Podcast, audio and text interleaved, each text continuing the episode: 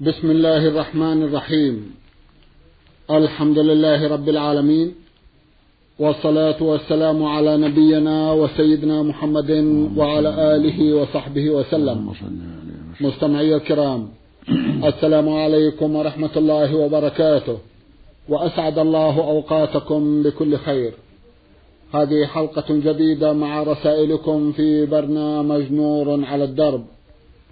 رسائلكم في هذه الحلقة نعرضها على سماحة الشيخ عبد العزيز ابن عبد الله بن باز المفتي العام للمملكة العربية السعودية ورئيس هيئة كبار العلماء. مع مطلع هذه الحلقة نرحب بسماحة الشيخ ونشكر له تفضله بإجابة الإخوة المستمعين فأهلا وسهلا. حياكم الله وبارك فيكم. حياكم أولى رسائل هذه الحلقة رسالة وصلت إلى البرنامج من دولة الكويت. باعث الرسالة المستمع عادل السعيد. الأخ عادل يقول قصتي أنني أريد شيئا يمسك بي ونصيحة منكم تفيدني في ديني ودنياي وآخرتي. مشكلتي أنني أصلي. وأعزم التوبة النصوح ثم أعود وأترك الصلاة ثم أصلي وأترك حوالي أسبوع وهكذا وهكذا. أرجو أن توجهوني سماحة الشيخ حتى أستقيم استقامة مستمرة. جزاكم الله خيرا وأحسن إليكم. بسم الله الرحمن الرحيم. الحمد لله وصلى الله وسلم على رسول الله.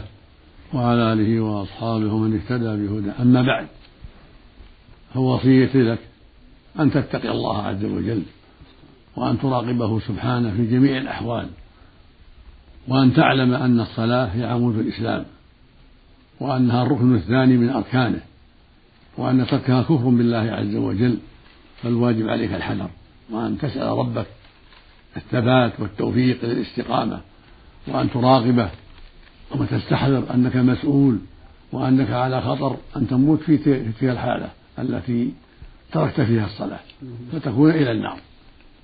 يقول النبي صلى الله عليه وسلم بين الرجل وبين الكفر والشرك ترك الصلاة. ويقول عليه الصلاة والسلام العهد الذي بيننا وبينهم الصلاة فمن تركها فقد كفر. ويقول أيضا عليه الصلاة والسلام من حافظ عليها كانت له نورا وبرهانا ونجاة يوم القيامة. ومن لم يحافظ عليها لم يكن له نور ولا برهان ولا نجاة وحشر يوم القيامة مع فرعون وهامان وقارون وأبي بن خلف. يعني إلى النار. وما ذاك والله أعلم إلا لأن التارك للصلاة إما أن يتركها من أجل الرياسة فيحشر مع فرعون إلى النار. لأن فرعون شغلته الرياسة عن طاعة الله ورسوله. وإما أن يتركها من أجل الوظيفة فيحشر مع هامان وزير فرعون لأنه شغله عمله مع فرعون عن طاعة الله وتصديق رسوله عليه الصلاة والسلام. وإما أن يترك الصلاة من أجل المال والشهوات فيكون شبيها بقارون الذي خسف الله به وبداره الأرض فيحشر معه إلى النار. وإما أن يدعها من أجل من أجل التجارة والبيع والشراء فيكون شبيها بأبي بن خلف تاجر أهل مكة الكافر فيحشر معه إلى النار. فالواجب على كل مسلم أن يتقي الله وأن يراقب الله في كل أموره وأن يجتهد في المحافظة على الصلوات في أوقاتها في الجماعة. فإن من حافظ عليها فقد حفظ دينه. ومن ضيعها فهو لما سواها عظيم. فاتق الله يا عادل وسل ربك التوفيق. وحافظ عليها في أوقاتها في الجماعة. وتب إلى الله مما ساف توبة صادقة. ومن تاب تاب الله عليه. نسأل الله لك الصلاح والهداية. والتوفيق للتوبة النصوح. يا الله. جزاكم الله خيرا وأحسن إليكم. هل يأذن لي سماحة الشيخ أن نقف قليلا عند هذه القضية؟ لأنها قضية فيما أعتقد أنها تهم كثيرا من الشباب. نعم. بارك الله فيكم. ما بودي أن تتفضلوا أيضا بمعالجته سماحة الشيخ. ذلكم المؤثر على الشباب. من حيث الجلساء من حيث القراءة من حيث السفر لو تكرمتم. نعم أوصي الشباب وغير الشباب. أوصي الجميع بتقوى الله. وأن يحذروا أسباب التخلف عن طاعة الله وعن الصلاة. وأن يحذروا صحبة الأشرار الذين يثبطون عن كل خير وعن الصلاة. وأن يحذروا قراءة المجلات الضارة والصحف الضارة والكتب الضارة. وأن يعتنوا بالقرآن الكريم. فإن القرآن هو الشفاء من كل داء. إن هذا القرآن يهدي للتي هي أقوى. فأوصي الجميع بالعناية بالقرآن والإكثار من تلاوته وتدبر معانيه. فإن ذلك من أسباب صلاح القلوب وصلاح الأعمال.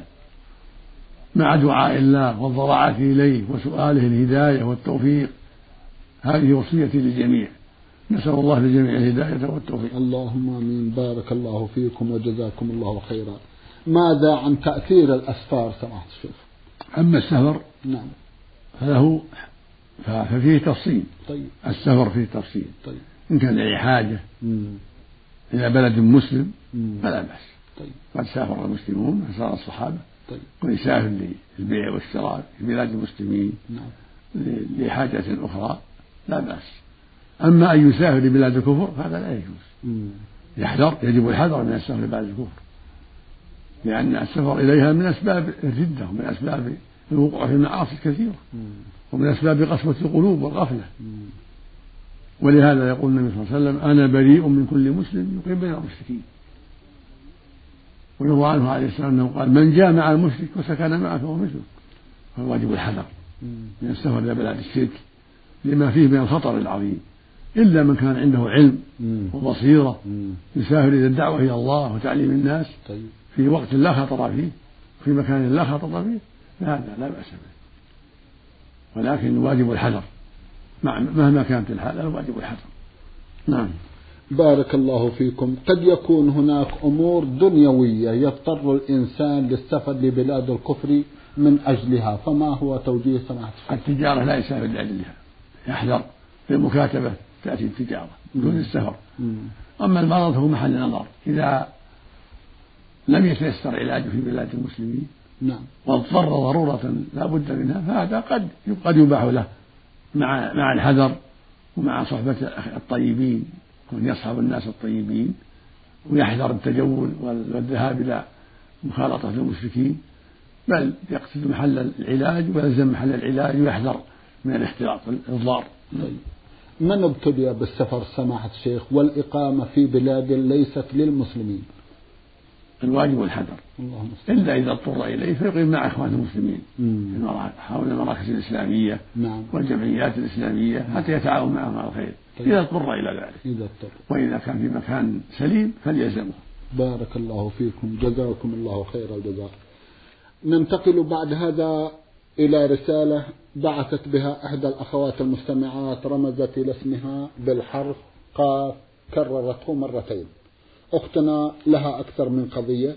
في إحدى قضاياها تقول في شبابي كنت فتاة لا أعرف الدين ولا أصلي ولا أصوم ولم يأمرني أحد بذلك واستمريت على هذا الحال فترة من الزمن والآن تزوجت والحمد لله وهداني الله وعرفت الدين فبدأت أصلي وأصوم ولله الحمد.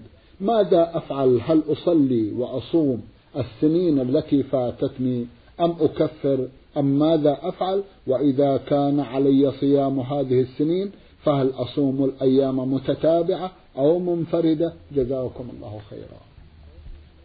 ليس عليك إلا التوبة. الواجب عليك التوبة إلى الله توبة النصوح. وذلك بالندم على ما مضى من ترك الصلاة والصيام. والعزم الصادق أن لا تعود في ذلك. مع الاستقامة على أداء الصلاة والصيام وطاعة الله ورسوله في كل شيء. هذا الواجب عليك أن تستقيمي على طاعة الله ورسوله وأن تحافظي على الصلوات الخمس في أوقاتها بالخشوع والطمأنينة وأن تحافظي على صيام رمضان وأن تحج حج إذا كنت لم تحجي. الواجب عليك هذا الأمر. مع التوبة الصادقة بالندم على ما مضى والعزم الصادق ألا تعودي في ذلك. هذا هو الواجب عليك ونسأل الله أن يمنحك التوبة الصادقة والثبات على الحق.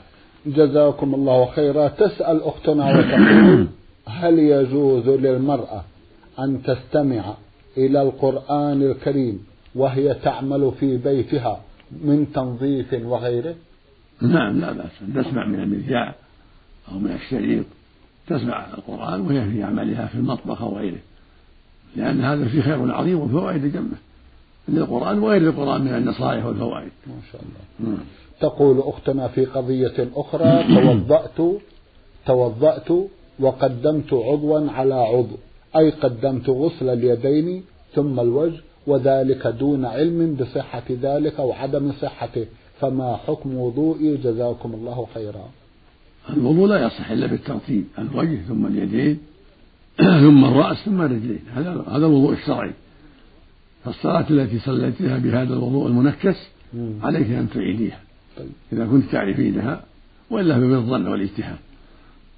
أعيد الصلاة لتظنين أنك صليتها بهذا. طيب. مع التوبة والاستغفار. لأنك لم تسألي ولم تتعلمي. الواجب عليك التعلم والسؤال. ولو من طريق الهاتف.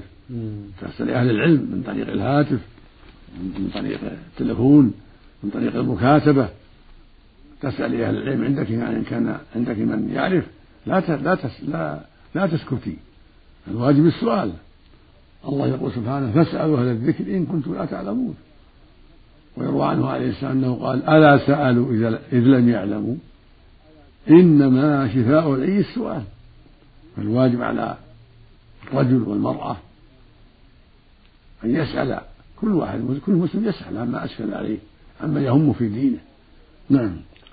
جزاكم الله خيرا وأحسن إليكم. تقول إنه قبل أربعين سنة كانت لها ابنة ولها سنة ونصف من عمرها وقد قدمت في المجلس قهوة وهذه الابنة في ذلكم المجلس.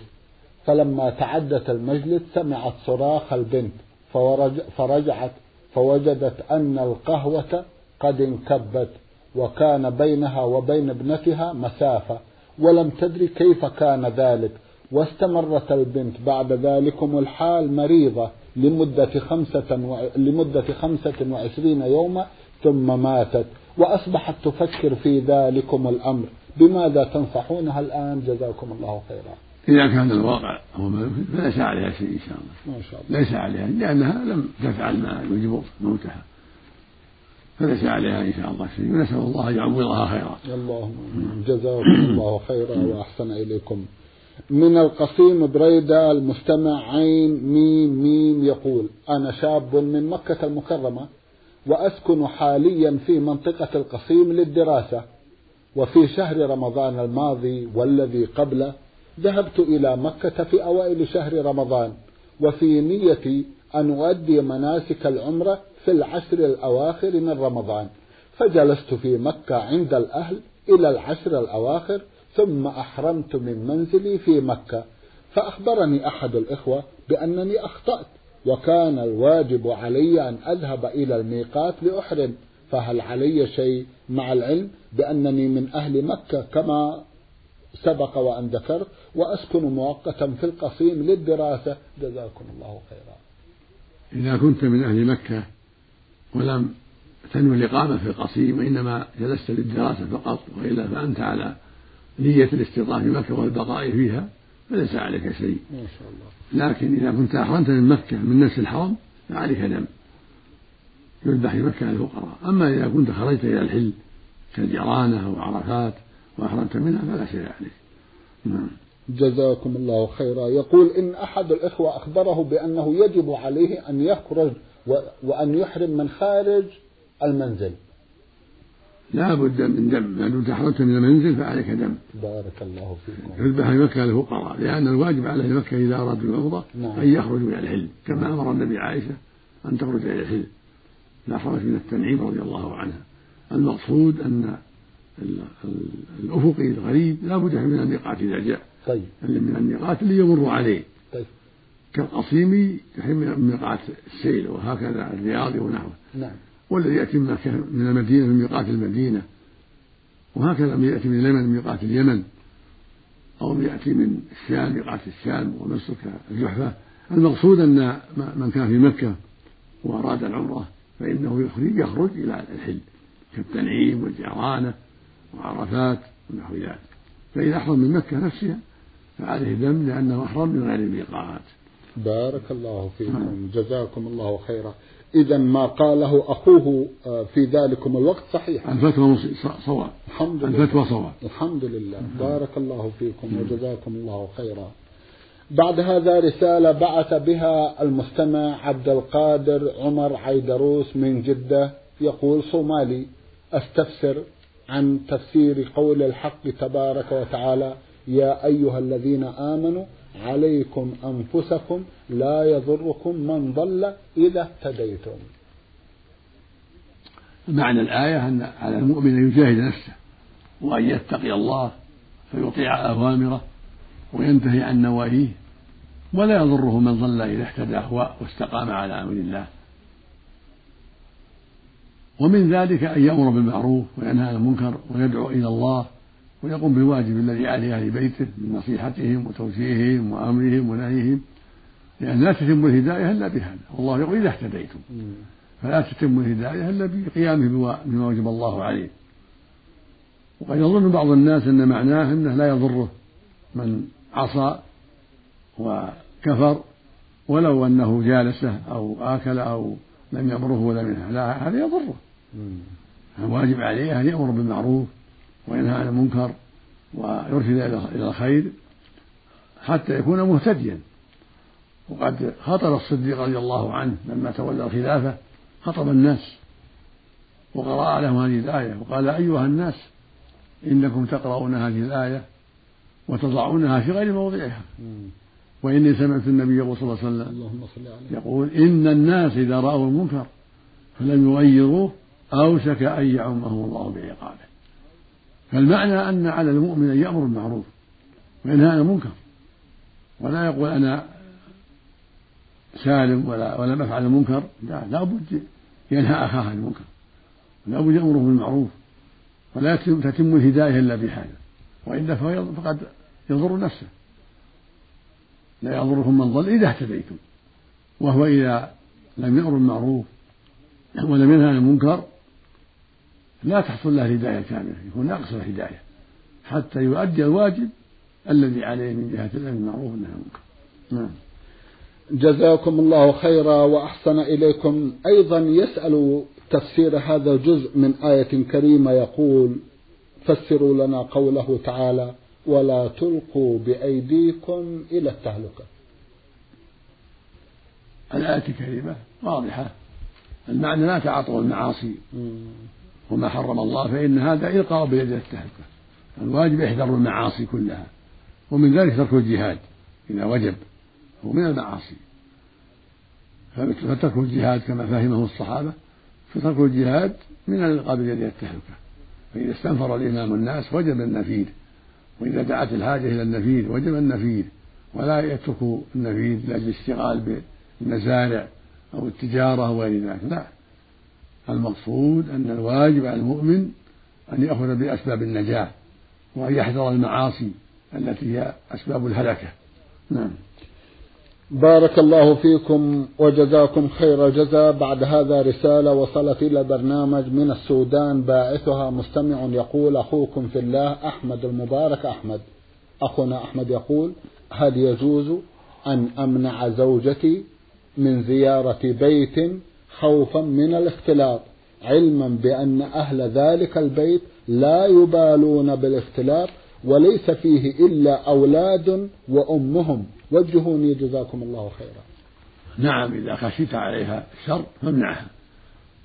من من زيارة البيت المختلط وغيره مما تخشى فيه الشر. امنعها من كل ما يضرها. نعم. جزاكم الله خيرا وأحسن إليكم. بعد هذا رسالة بعث بها أحد الإخوة المستمعين يقول المرسل سين ميم عين مقيم في الرياض. أخونا يقول ما حكم رهن الأرض الزراعية؟ عندما يكون صاحب الأرض محتاجا لمبلغ من المال يرهن فدانا أو نصف فدان حسب المبلغ المطلوب. ولذلكم الشخص يزرع الأرض ويأخذ محصولها حتى يرد له المبلغ الذي دفعه. هل في هذا شيء؟ جزاكم الله خيرا. لا حرج أن يرهن أرضا أو بيتا أو حانوتا يعني دكان أو غير ذلك في الدين الذي عليه. لكن إذا قال للمرتهن أنت تزرعها وتستفيد منها حتى أوفيك هذا ربا. هذا لا يجوز. هذا معناه أنه يستفيد منها في مقابل إنظاره له في القرض هذا لا يجوز.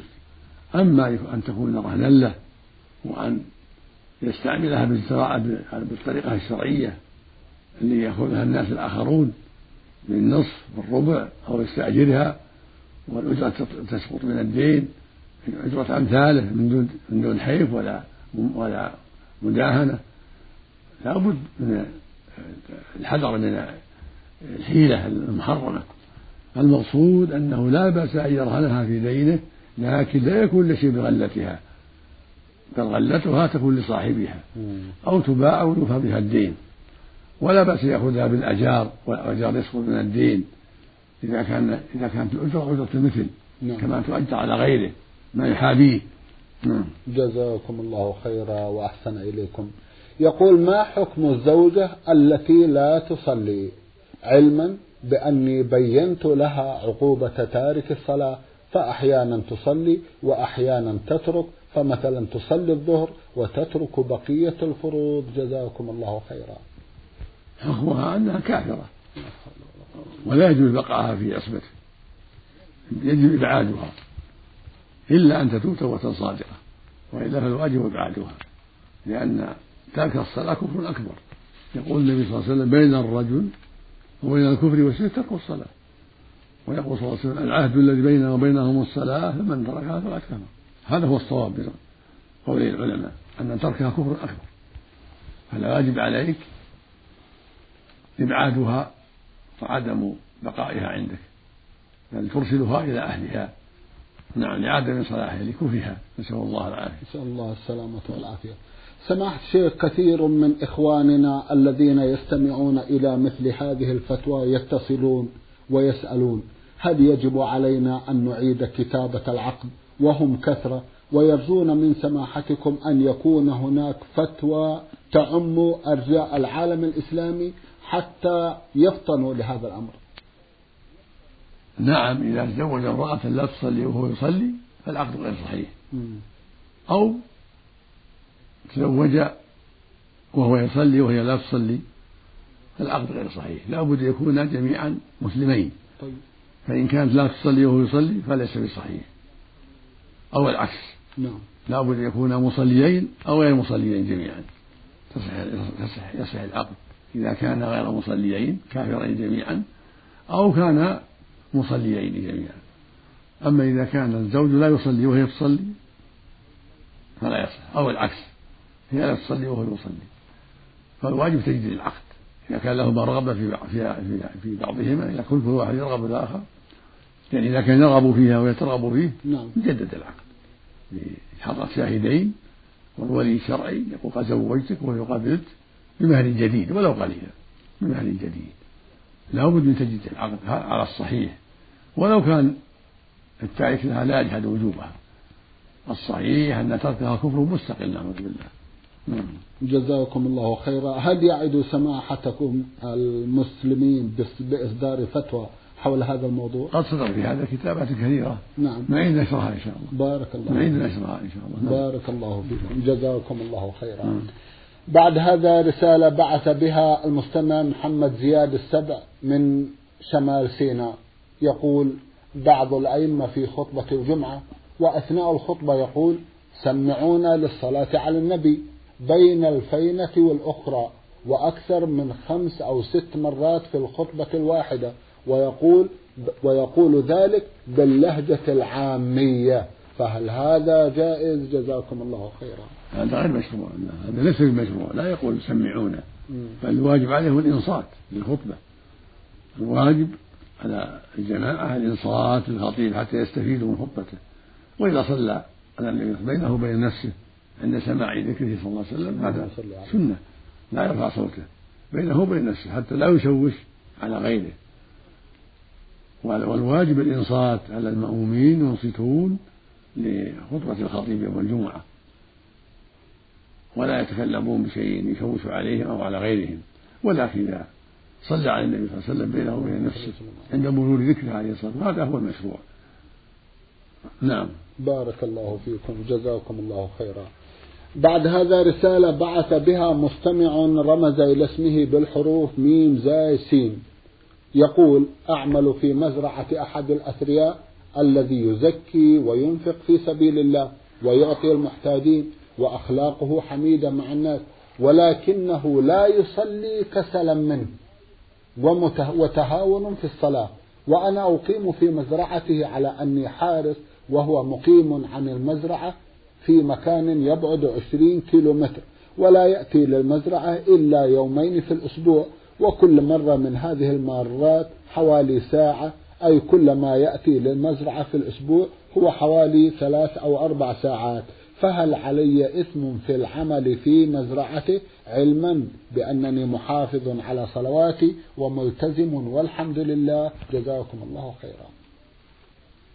الذي لا يصلي كافر نسأل الله العافية. ولو كان طيب الأخلاق ولو كان يتصدق ولو كان يفعل أشياء كثيرة من الخير.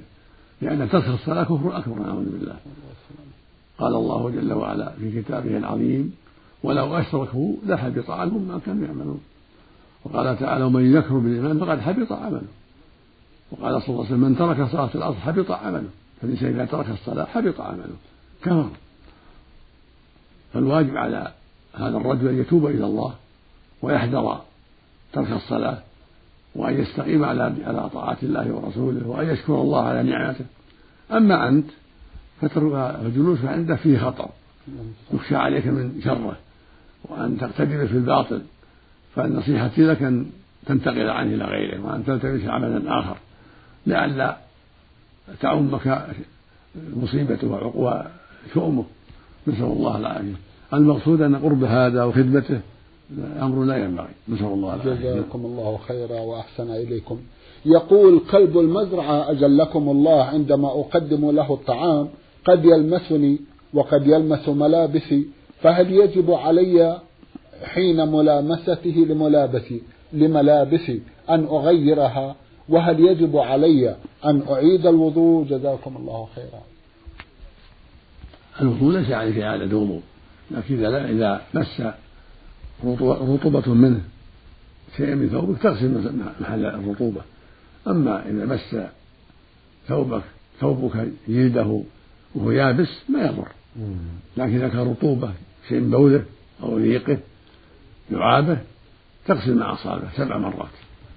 ما أصاب رجلك أو ثوبك تغسله سبع مرات. ويكون فيها واحدة التراب مع شيء من التراب في الأولى أفضل. نعم. جزاكم الله خيرا وأحسن إليكم. سماحة الشيخ في ختام هذا اللقاء أتوجه لكم بالشكر الجزيل. بعد شكر الله سبحانه وتعالى. على تفضلكم بإجابة الإخوة المستمعين وآمل أن يتجدد اللقاء وأنتم على خير. مستمعي الكرام كان لقاؤنا في هذه الحلقة مع سماحة الشيخ عبد العزيز ابن عبد الله بن باز المفتي العام للمملكة العربية السعودية ورئيس هيئة كبار العلماء. شكرا لسماحة الشيخ. وأنتم يا مستمعي الكرام شكرا لحسن متابعتكم. ونحن نرحب برسائلكم على عنوان البرنامج. المملكة العربية السعودية الرياض الإذاعة برنامج نور على الدرب. مرة أخرى شكرا لكم مستمعي الكرام وإلى الملتقى. وسلام الله عليكم ورحمته وبركاته.